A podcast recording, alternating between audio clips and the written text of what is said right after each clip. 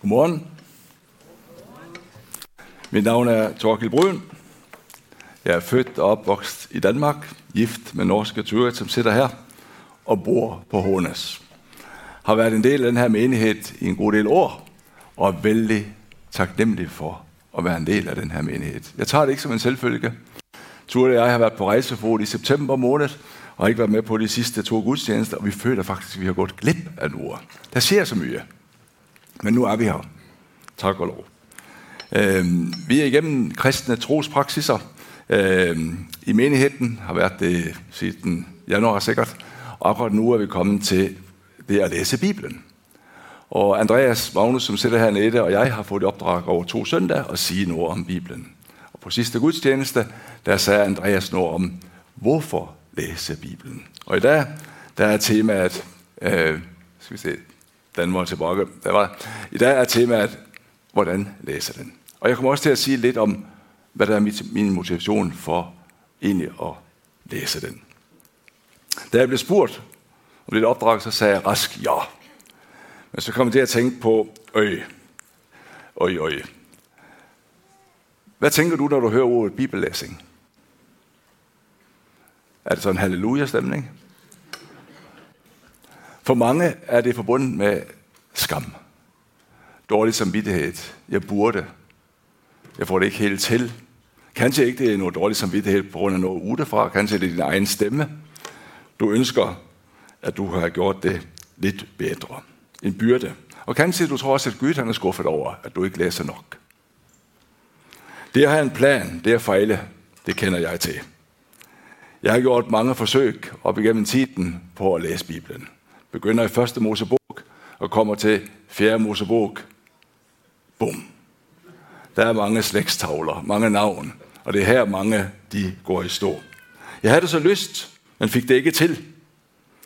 Jeg kendte det heldigvis ikke på fordømmelse, men jeg følte, at jeg gik glip af noget. Jeg trængte en guldrot.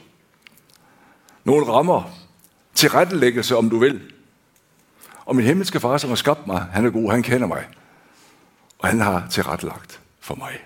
Akkurat min type. Gennem en profeti og andre fantastiske ting, der vil jeg lede til en bibelskole i Hongkong. School of Biblical Studies hedder skolen, hvor du gennemgår Bibelen, læser den fra perm til perm fem gange i løbet af ni måneder. Det høres vældig mye ud, men det er det faktisk ikke. Og så kan man sige, der har jeg læst Bibelen. Nej, det gav mig mere smag. Jeg fik lyst på noget mere. Og derefter så ledte han mig til Ansgarskolen, herhenne, ret herhenne, for at studere teologi. Og da jeg havde gået der halvandet år, så skulle vi i praksis. Og jeg har ikke nogen plan om at blive præst eller pastor, som de andre. Så de kom ud i menigheder i praksis. Jeg fik lov at have praksis på Bibelskolen, på Ansgar Bibelskole, hvor min opgave det var at læse igennem Bibelen sammen med eleverne. Og det skulle egentlig bare have varet et halvt år. Men efter det, så blev jeg ansat på Ansgar Bibelskole, og så var min opgave at læse gennem Bibelen sammen med dem. Og det har jeg gjort 11 år. Og det betyder, kære venner, at jeg har læst Bibelen 11 gange, betalt af Ansgarskolen. Snak om guldråd. Men det har givet mig mere smag. For Bibelen er fantastisk. Men bibellæsning er stadig et valg, også for mig. Det er noget, jeg må vælge. Noget, jeg aktivt må vælge. For der er oceaner af tilbud og indbud, som kommer. Men her oplever jeg det ikke som et bødt, som mange sikkert gør. Men jeg oplever det som et tilbud. Og det, ja, det er nogle gode ord, ikke sandt? Og det håber jeg også, at du vil komme til at opleve det som et tilbud, og ikke som et bødt for Gud. Selvom temaet i dag det er handlingen, det at faktisk læse Bibelen, så vil jeg alligevel sige lidt om hvorfor. For det hjælper egentlig ikke noget at have nogle værktøjer til, at, hvordan at læse den, hvis du ikke er motiveret, ikke har lyst. Og det er fordi, at der er en holdning bag hver handling. Hvis du ikke gider, så får du heller ikke til en handling. Så derfor så er det vigtigt, at du har en holdning. Jeg har faktisk lyst, og så er det mye enklere at få til en handling. Og det, som er rart, det er faktisk, når du så gør det, så virker det også tilbage på din holdning. Det er sådan en cyklus, som er fantastisk. Den kan jeg opmuntre til. Kanskje du ikke var her sidste søndag, da Andreas han talte om, hvorfor læse Bibelen. Han havde syv gode argumenter, og vi anbefaler dig at læse hans tale, som ligger på kirkens hjemmeside. I et af punkterne, der nævner Andreas, han har syv punkter, et af punkterne, der tager han Bibelen som en brugsanvisning. Bibelen som en brugsanvisning. Jeg har taget med en anden brugsanvisning her. Den er også lærer. Svart lærer. Og det er en brugsanvisning fra en Passat. Jeg har haft en Passat i 10 år. Volkswagen Passat. Så er nogen, der siger, jamen Torkel, har du ikke fået elbil? Jo, det har jeg. Men der er instruktionsbogen på en liten skærm eller på min mobil. Venner, her snakker vi instruktionsbog. Ikke sandt? Det er en instruktionsbog. Men hvad skal jeg egentlig med den her instruktionsbog? Øh, Volkswagen i Tyskland har intet med, hvordan jeg behandler min Passat. Jeg har købt den, jeg har betalt den, den er min, det er mig, som ejer den. Hvad skal de blande sig for? Her står lidt om dæktryk, sikringer, olietyper, oliemængde. Her står noget om drivstof. Jeg ved ikke, om jeg har lagt mærke til, at nogle gange så er dieselprisen højere end benzin, og andre gange er benzin højere end diesel. Jeg tager det billigste. For jeg gør akkurat, hvad jeg vil. Det er min bil, jeg bestemmer. Her på side 14, der står der et afsnit om varsel og kontrollamper. Der er nogen, der er grønne, der er nogen, der er orange eller gule, og så er nogen, der er røde. Jeg giver blaffen. Det er min bil. De har ikke noget at skulle have sagt. Men, kære venner, hvis jeg er overbevist om, at Volkswagen i Tyskland har skabt min Passat, og de har skrevet den her bog, og de vil mig vel, der vælger jeg faktisk at læse i den og følge de instrukser, som står her. Hvis jeg er overbevist om, at Gud har skabt mig, han har skrevet den her bog, og han vil mig vel, der følger jeg de instrukser og anordninger, han har her. Men hvis jeg tvivler på en af de ting, enten han ikke har skabt mig, eller han ikke har skrevet den her bog, eller han vil mig vel, der har instruktionsbogen ikke samme betydning. Her finder jeg alt, hvad jeg trænger at vide om min Passat. Her finder jeg alt, hvad jeg trænger at vide om Gud. Jeg trænger ikke at vide mere. Han har sørget for alt, hvad jeg trænger at vide for livets ophold. Kendskab til ham, det står her. Her står også om alle de her trospraksis, som vi har. Alt står her. Her finder du mat for din åndelige vandring. Helt fra du bliver frelst, tager imod hans frelse, og til du skal hjem til himlen. Det er ikke sådan, at når du bliver frelst, så bliver du taget direkte op til himlen. Nej, der er en vandring, som i Bibelen bliver kaldt helliggørelse, hvor du får åndens frugt, og de får lov at få næring. Der er et herligt bibelvers her, der står, Jesus siger, mennesket lever ikke af brød alene, men af hvert ord, der kommer fra Guds mund. Så er nok af mat. I 1. Korintherbrev, 1. Peters brev, Hebræerbrev, der står der om åndelig mat. Der står mælk for spædbarn, og så står der om fastfødte for de voksne. Og der er nok for alle. Bibelen er utømmelig. Der er mange, der siger, jeg har læst den. Okay. Jeg har læst den mange gange, og det kan jeg sige uden at skryde, for jeg har fået betalt, det ved jeg. Jeg har læst den mange gange, og hver eneste gang er der noget nyt. Hver gang. Period. Jeg har sagt i en tidligere prædiken, at jeg har været inde i en mørk tid. En depression, hvor jeg følte, at Gud var vældig langt væk. Jeg så ham ikke, han var borte. Pludselig er der en, der sender mig et ord. Og det er fra Jobs bog. Selv når du siger, at du ikke ser ham, ser han din sak. Bare vent på ham. Det ord har jeg aldrig set før. Selvom jeg har læst Bibelen.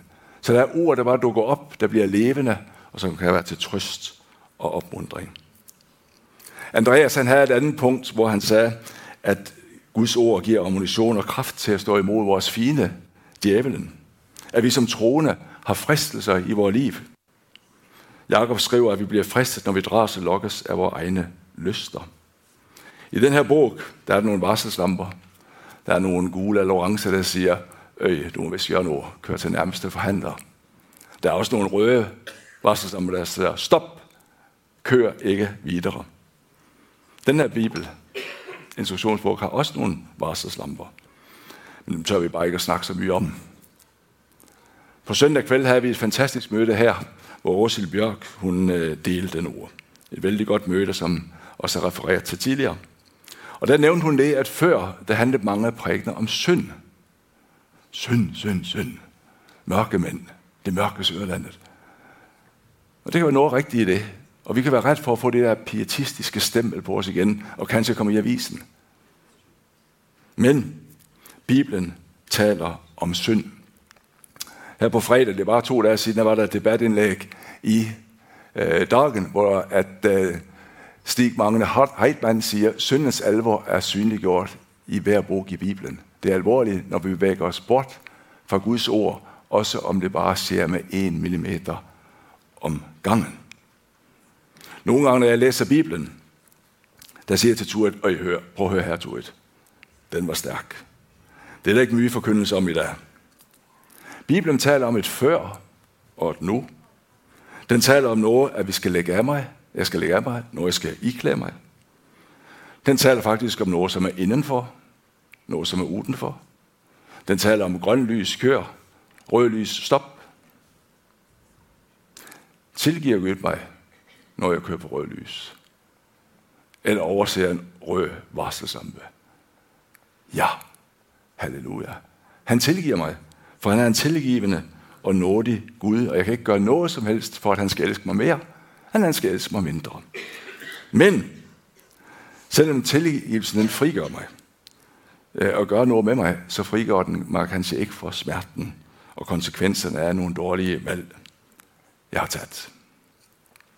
Turi, min kone, hun gav mig en god sætning her den anden dag på engelsk. Rules without relationship creates rebellion, while rules with relationship creates peace and order. Regler uden relation, det skaber oprør. Hvem er du? Hvem skal du skal ikke bestemme? Jeg er min egen herre. Mens regler ved en relation skaber ro og orden. Jo mere tid jeg bruger sammen med ham, i ordet, i brugsanvisningen, i helliggørelsesprocessen, jo syndigere bliver synd. Salmisten han siger i salme 119, vers 11, jeg gemmer dit ord i hjertet, så jeg ikke skal synde mod dig. I Gamle Testamentet der ser vi mange cykluser. Det er faktisk interessant at se, hvordan at Israels folk de lever efter brugsanvisningen. Så går det dem vel, og så føler de pludselig, at det kan jeg selv. Så glemmer de brugsanvisning, og så går det dem dårligere og dårligere og dårligere, og til sidst så er landet elendigt. Så sender Gud en dommer eller en profet og fortæller, kom tilbage hertil. Og så omvender de sig, og så går alt grædt, og så glemmer de en evig cyklus, som vi kunne lære mye af i dag. I kongebøgerne, der læser vi om mange konger, konger i Israel og Juda. Nogle var gode, nogle var ikke så gode. I 2. kongebog, kongebog 22 læser vi om kong Josia. Han var bare 8 år, da han blev konge. Men i kapitel 22, der er han blevet 26 år. Og der står, at han fik lyst til at sende rigskriveren til herrens hus for at ordne nogle ting. Og da rigskriveren han kommer til herrens hus og møder overpræsten til Hilkia, så fortæller Helkia, at han har fundet en lovbog. Og har, kan jeg se den? Ja. Oj, kan jeg få lov at tage den med til kongen Josia? Det kan du. Og der står, at han tager lovbogen med, den er lidt større kanskje, med til kongen. Se her. Og så står der, at Josia han flæret, flæret sine klæder, da han hørte, hvad som stod i lovbogen. Han vidste ikke. Så står der i kapitel 23, han samlede landets ældste, og så reformerede han gudstyrkelsen i hele landet. Han fjernede genstander og omgjorde steder, som var brugt til afgudstyrkelse. Hvorfor? Han fandt brugsanvisningen og årsagen til landets elendighed. Kære venner, jeg tror, vi som nation trænger noget lignende. Back to the Bible. Okay, nok om det. Vi må snakke lidt om holdningen. Det har vi gjort nu, så er det handling. Det er at sætte sig ned, åbne Bibelen og faktisk læse den. Eller høre på den. Det er ikke sikkert, at du har læst hele Bibelen. Det gør ikke noget. Det er mye værd, at du læser noget end hele Bibelen. Og hvis du synes, den er stor, så kanskje du skal sætte dig lavere mål. Og du synes kanskje, det er mye. Den er massiv. Men hvor lang tid tager det egentlig at læse Bibelen? Er nogen, der ved det? Så ikke at svare. Jeg har faktisk prøvet en gang, bare for at teste, hvor lang tid det tog at læse Nyt Testamentet. Og jeg er ikke en rask læser. Og jeg valgte faktisk en dansk oversættelse, som jeg ikke kendte så godt til. og jeg læste hele Nytestamentet fra tidlig morgen til sen kveld. Det var sent. Men jeg rakte. Og det betyder, at man kan læse hele Bibelen for fire dage. Men jeg vil gerne indrømme, at jeg fik ikke så vældig mye ud af det. Det var ikke sådan, at Herren talte dybt til mit indre menneske. Jeg ønsker bare at prøve at læse igen Bibelen. Og der er flere, som har i medier og kirker, der har prøvet sådan øh, højtlæsning af Bibelen. Det har jeg stået i avisen også, som jeg har forsøgt. Og der tager det at læse hele Bibelen højt 85 timer. 80 til 85. Og det vil sige, at Nytestamentet tager 20 til 24. Så det er ikke så uoverkommeligt. Men når du så kommer i gang, kan jeg vende, så er der tre steg. Først, læs Bibelen. Derefter, prøv at forstå Bibelen. Og til sidst, gør det, teksten siger. Altså en praktisk handling. Jakob siger i kapitel 22, der må gøre det ordet siger, ikke bare høre det, ellers vil der bedrage dig selv. Og Jesus, efter han har prædiket mye i bjergprædiken, der siger han, den som hører disse mine ord, og gør efter dem, er som en klog mand. Den som ikke gør, er som en uforstandig mand. Det kender vi sikkert. Der er mange måder at læse Bibelen på, jeg vil vise tre.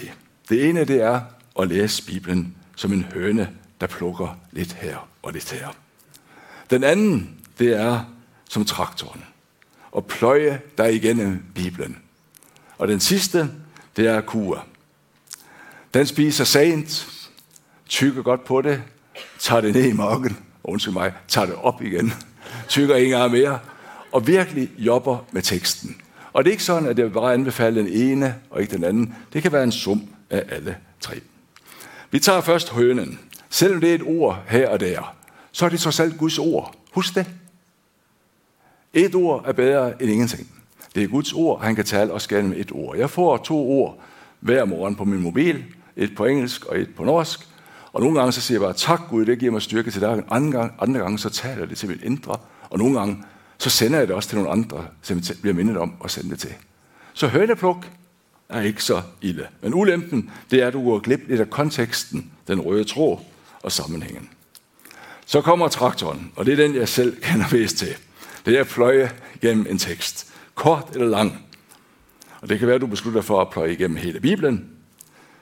Nogle foretrækker at læse højt, hvor man bruger flere sanser. Der er faktisk noget med, at hvis du læser højt, så får du det mere med dig.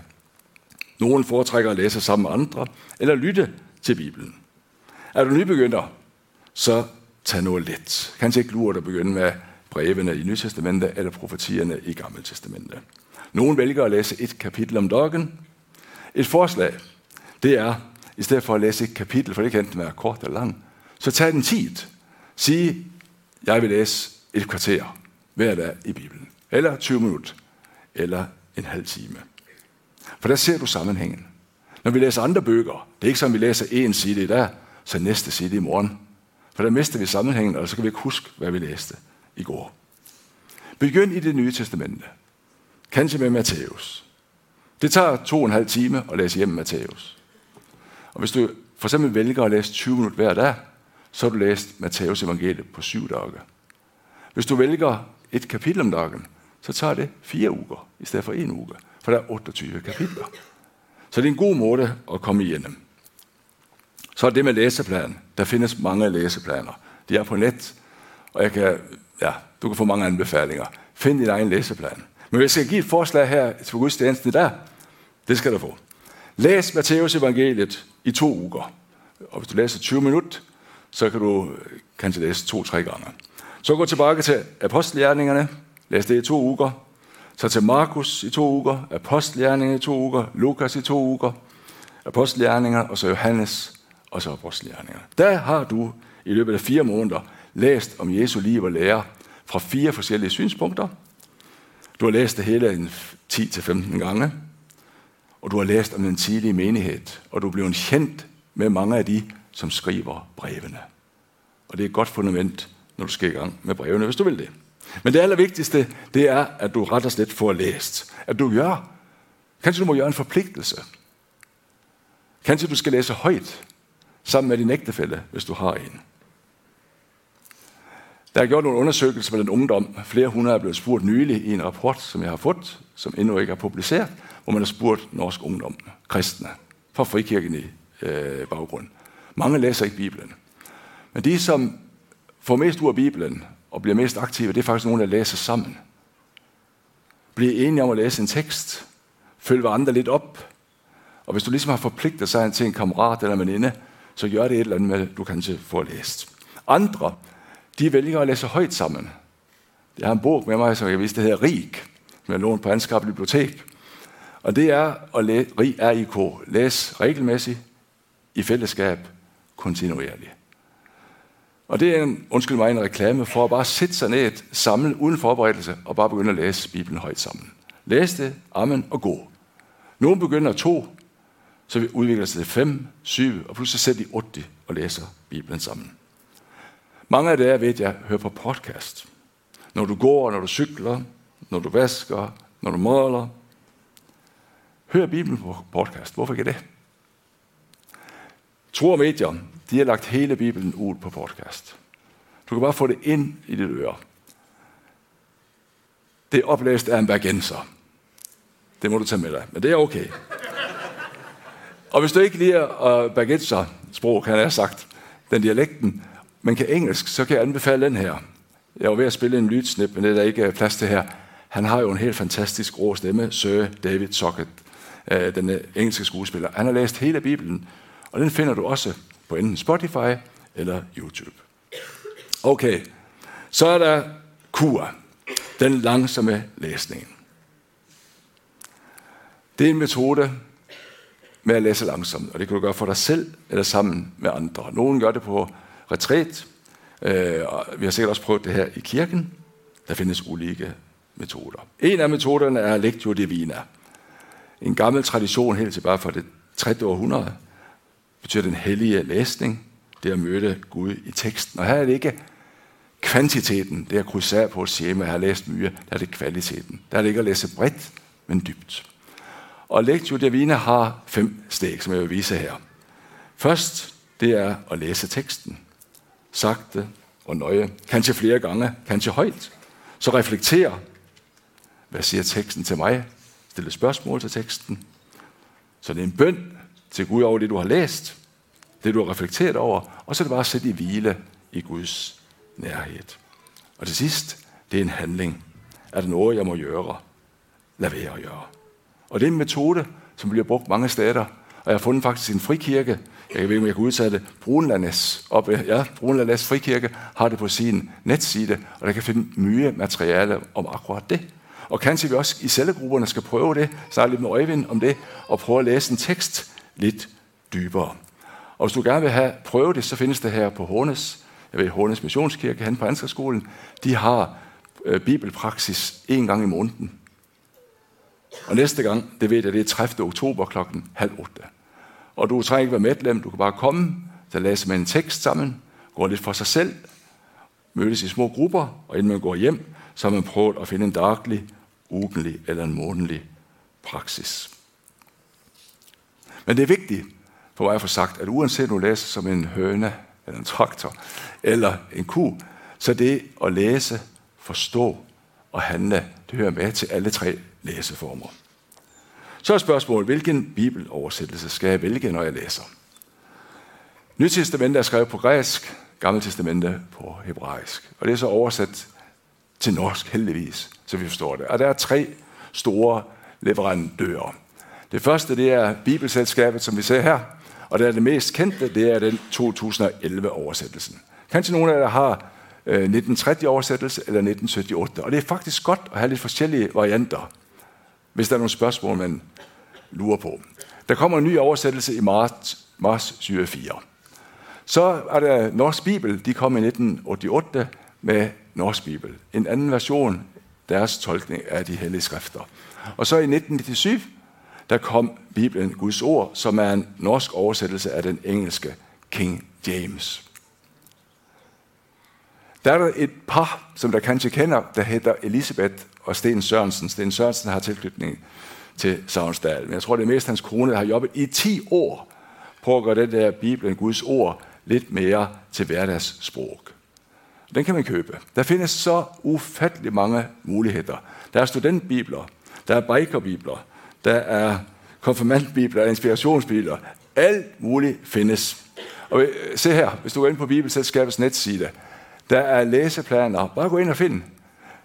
Der er en knap, der hedder Bible Project. Det er noget nyt, de har fundet på. Noget fantastisk. Hvor der er en liten animationsfilm til alle bøger. Så hvis du er i gang med øh, og læse Johannes, og så bare vil have sådan en liten smakkebit, hvad handler det her om, hvad skal jeg lægge vægt, vægt på, så er der sådan en små animationsbit på nogle 6-7-8 minutter.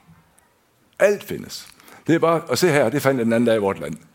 Gratis bibelkurs på net og papir. Det er overalt. Vi kan bare glæde os.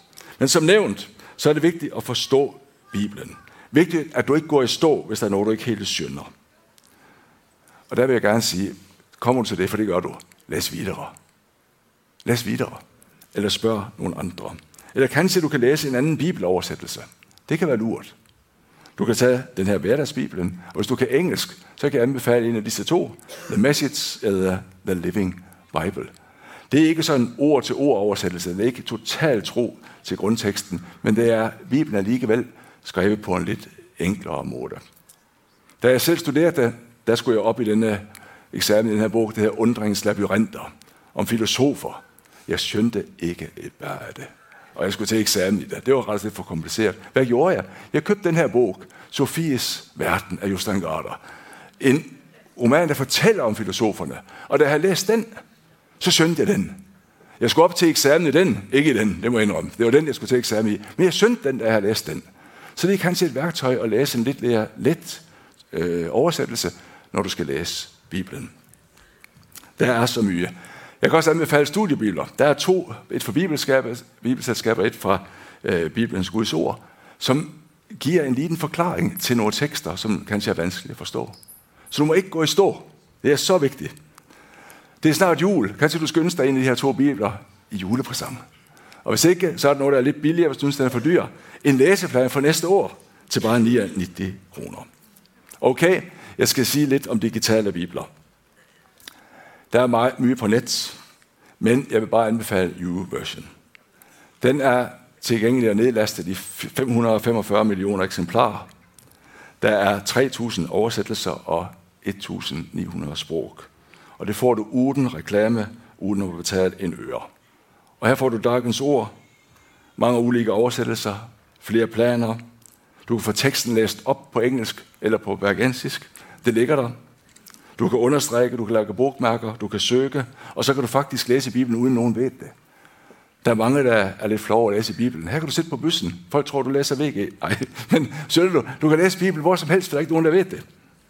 Selv læser jeg Bibelen på mobil, det må jeg indrømme. Men der var en kollega, der rådte mig til, har du barn, læs papirudgaven.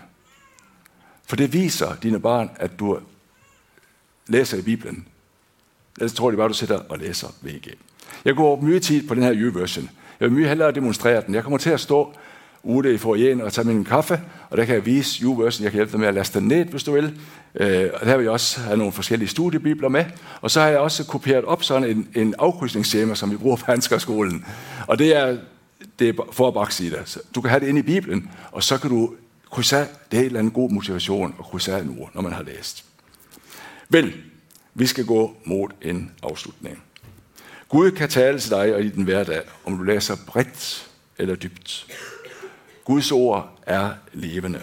Du har kanskje hørt om de to græske ordene logos og rema, som er oversat på norsk til ordet. Det beskriver det skrevne ord, bogstaven, og det levende ord.